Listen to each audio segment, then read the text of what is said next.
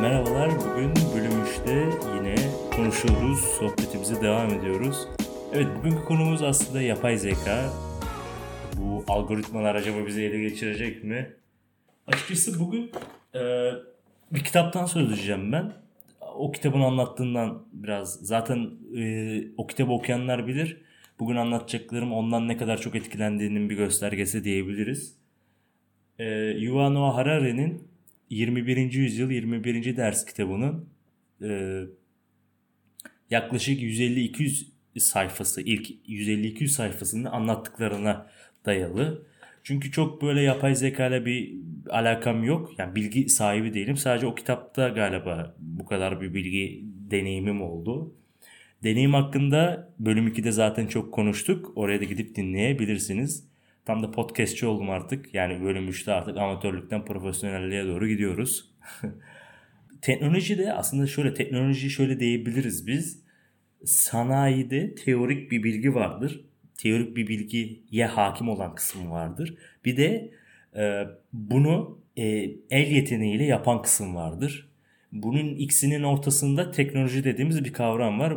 Bu da çok güzel birisinin örneği aslında. Bu benim kendi örneğimde bunu da söyleyeyim bu teknoloji e, kısmı şu anda mesela sanayide er kısmına biraz daha önem veriyorlar ama otomasyon dediğimiz şey bu kısmı biraz da kaldırıyor. Çünkü otomasyon dediğimiz şey aslında el ile yapılan kısımları bir anda robotun yapması diyebiliriz. Mekanizmaların yapması diyebiliriz. Şimdi abicim sen bu, bunu sanayide kaldırırsan eline ne kalıyor? Teorik kısım kalıyor. E şimdi varsa eğer böyle sanayide çalışacak e, arkadaşlar falan o zaman teorik kısma yoğunlaşmaları bence biraz daha mantıklı olur denebilir. Ee, peki yapay zeka dediğimiz şey bizi nasıl ele geçirebilir diye düşündüğümüz zaman Yuval Noah Harari'nin birçok teorisi var aslında burada. Bu teoriler şöyle söyleyeyim gerçek olur gerçek olabilir olmayabilir. Çünkü henüz geleceği yaşamadığımız için bu adamın yaptığı teoriler geleceğe, geleceğe dayalı teoriler. Aslında güzel yani kurgu olarak adam güzel kurgulamış ve ama şöyle bir eksiği var bana kalırsa sağlam temellere sahip değil. Mesela Tüfek Mikrop Çelik kitabının yazarı orada da mesela yerleşik hayata geçilince neler olmuşun kısmını anlatıyor. Onu da bir podcast bölümümüzde konuşuruz. Orada anlatılan şeyler o adam baya baya böyle sağlam temellerde anlatmış biraz da. Yani bu tarihsel süreci e, örnekler vererek ve bu örnekler de yaşanmış. Yani yaşanmışlığa dayalı böyle hani ya kardeşim bunu nereden uydurdun sen dediğin zaman bunu tak diye gösterebilecek bu adam. Arkeolojik temellere sahip. Bu yüzden okey diyorsun yani tamam abi bunu yapabiliriz ama gerçek olur olmayabilir kısmı işte orada patlıyor. Açık, açıkçası bu Harari'nin kitabında da bu distopya dediğimiz bu kavram biraz ortaya çıkıyor. Gerçek olma durumu yüksek ama olmama durumu da var. Sonuç olarak bir bu düşünce olduğu için adamın şöyle bir iddiası yok. Yani bu kesin olacak diye bir iddiası olmadığı için kabul edilebilir. Evet bu adam peki ne diyor? Şöyle abi yapay zeka bizi iş, işlevsizliğe edecek diyor ki bu çok çok mantıklı yani bilinç kazanıp işte bütün insan soyunu, bütün insan ırkını öldürecek bu zor bir ihtimal çünkü robot dediğimiz şey bunu yapabilmesi için çok uzun süreçlerden geçmesi lazım. İnsanın bir tamam insanın beynini düşündüğümüz zaman bir veri işleme mekanizması var. Okey bunu yapay zeka da yapabilir. Bunda hiçbir sıkıntı yok. Çünkü bilgisayar da yapıyor aslında şu anda yapay zeka dediğimiz şey de yapıyor ama bilgisayarda bir veriyi alıyor, işliyor, başka bir veri ortaya çıkarıyor. Bunu beyin de yapıyor.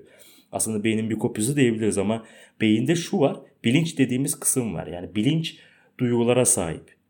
Korkuyoruz, ağlıyoruz ama yapay zeka bunları bir şekilde yapabilir. Korkuyu taklit edebilir, e, şaşkınlığı taklit edebilir, mutluluğu taklit edebilir, aşkı belki taklit edebilir ama bunlar dediğim gibi başka algoritmalardan kopyalanarak yapılabilir. Kendiliğinden bunu yapamaz. Peki e, dedik ki yapay zeka bizi nasıl elde edebilir? Şöyle işlevsizliğe yeterek. İlk başta dediğim gibi bu e, el otomasyonda bizi bir işsizliğe uğratacak zaten. Doğru, çok güzel. Ee, peki bu işte size bizi itiyor. Bu işte otomasyona geçti. Bazı işte meslek dalları kapandı burada. Peki şöyle bir ihtimal var. Bunu yaparken başka meslek dallarını da açabilir yapay zeka. Yani bir yandan sen atıyorum paketleme sanayisini bitirebilirsin otomasyonla ama başka bir yerden e, bu ot, e, paketleme sanayisinde kullanılan robotların robotların bakım adında bir meslek e, doğurabilir. Onu söylemek istiyorum. Doğurmayabilir. Çünkü bu gelecekte tam anlamıyla bilinmiyor. İşin zaten bence civcivli kısmı bu kısmı bilinmemesi. Yaşayıp göreceğiz. Büyük ihtimal ömrümüz yeterse bunları göreceğiz. Ne olacağını ne biteceğini denebilir. Peki işlevsizliğe edecek dedik. E, yeni meslek dalları açabilir, açmayabilir. Bazı meslek dallarını kapatabilir dedik. Tamam. Ama şöyle bir süreç gelecek önümüzde. Artık öyle bir çağda yaşıyoruz ki e, çok hızlı veri akışı var ve çok hızlı veriler doğuyor yeni. Mesela bir alanda uzmanlaşmak için artık ömrümüzü veriyoruz. Belki de bu ömür yetmiyor bile bize. Mesela biyoloji alanında, evrim alanında daha da altı vardır büyük ihtimal ama benim alanım olmadığı için ve bilgim olmadığı için bunu diyemeyeceğim. Bu alanda mesela uzmanlaşabilmek için adam ömrünü veriyor. Ömrü de yetmiyor adamın. Artık öyle bir kısma geldik. Yani mesela bilim insanları artık halka bunu sunamıyor. Öyle bir açık oluştu ki bu açığı kapatamıyorlar. Yani halka bunu anlatabilecek o seviye indiremiyorlar. Çünkü her an, her zaman, her dakika yeni bilgi işleniyor. Yeni veriler geliyor. E adam bunu ne ara işleyip işte indirgeyim ben bunu halka vereyim falan patlıyoruz. Eskiden bunu okuduğum kitapta eskiden bunu filozoflar yapıyordu. E, filozoflar da abi belli bir süreden sonra artık Kant'a kadar herhalde tam bilmiyorum ama filozoflarla bilim insanların arası çok açıldı ki bu dediğimiz gibi bu veri patlama olayı oldu. E, filozoflarla çok ara açıldı. Filozoflar da biraz rahatına düşkün herhalde. Çok yakalamaya uğraşmadılar. Uğraşmayınca da ara çok açıldı. Şu an filozoflar işte ondan sonra bir romantizm dönemi falan oldu herhalde. Bir yanlışım varsa düzeltebilirsiniz. Çok yakalayamadılar. Filozoflar bu işi yapıyordu ama sonra patladık bu konuda. Ve işte dediğimiz gibi bu veri akışı o kadar fazla ki artık bir süre sonra bu meslek dalları kapandı, yeni meslek dalları açıldı. İşte insanın uzmanlaşması için bir ömür falan yetmedi. Bu olayları geçtim. Artık öyle bir seviyeye geleceğiz ki diyor bu Harari o kitapta. Artık e, bir meslek dalında otomasyon o meslek dalını yani yapay zeka o meslek dalını ele geçirdiği zaman yeni meslek arayışına gireceğiz ya. Çok hızlı olmamız lazım. Ve o meslek dalında uzmanlaşmamız lazım. Çok kısa zamanda. Eğer bunu yapabilen insan hayatını sürdürebilecek. Ama yapamayan insan eyvah o zaman sıçtınız abi.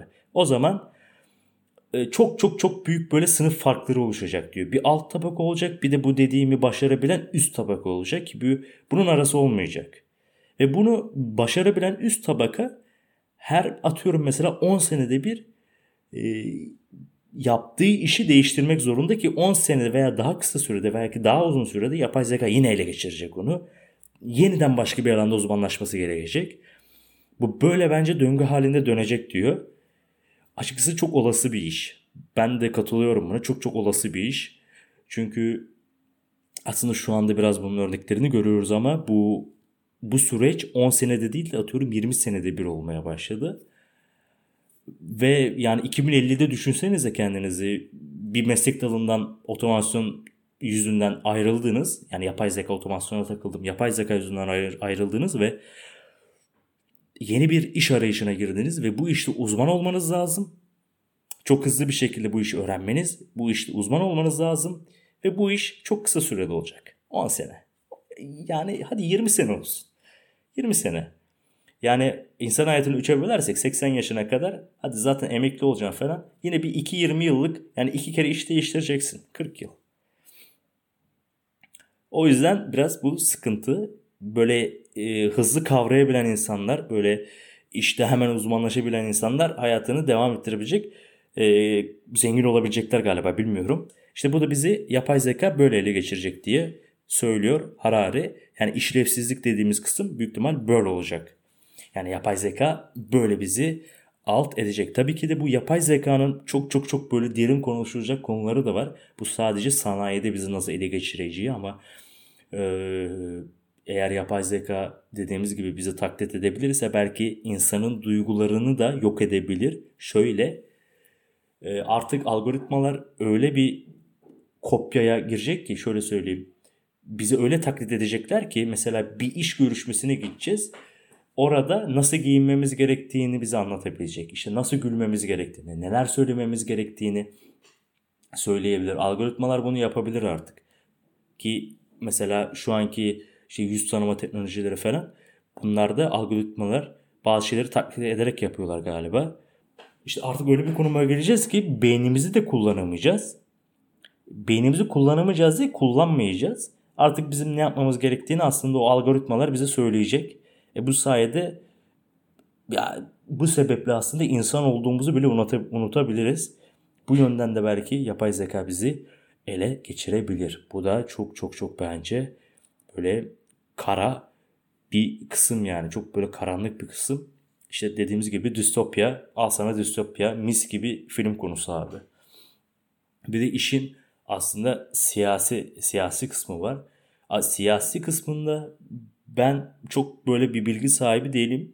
Ama şunu düşününce yani yarın bir gün mesela bir yapay zekanın e, bir bilgi mesela bir söz hakkına sahip ol, olabilmesi için bir davada mesela bir başka insanla e, mahkemede kapıştığını düşünün yani. Bunu yapabilir mi yapay zeka? Bir yapay zekanın konuşabilme hakkı olabilir mi?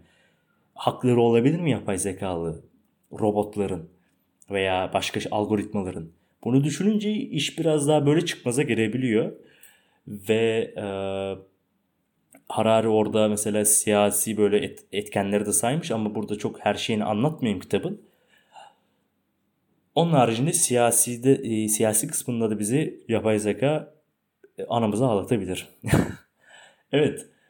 Genel olarak yapay zeka hakkında bunları e, söyleyebilirim. Ama tabii ki de insan hayatını da kolaylaştıracağı kısımlar elbette ki olacak. Ee, biz sadece işin böyle o karanlık kısmına odaklandık. Ama e, insan hayatını da çok çok çok kolaylaştıracağı kesindir. E, benim diyeceklerim bu kadar. Yapay zeka, algoritmalar. Çok bir bilgim yok ama yine ekledikçe bu konu hakkında çok çok uzun uzun konuşulabilir diye düşünüyorum. Dinlediğiniz için çok çok teşekkür ederim. Bölüm 3'ün sonuna geldik. Kendinize iyi bakın. Hoşça kalın.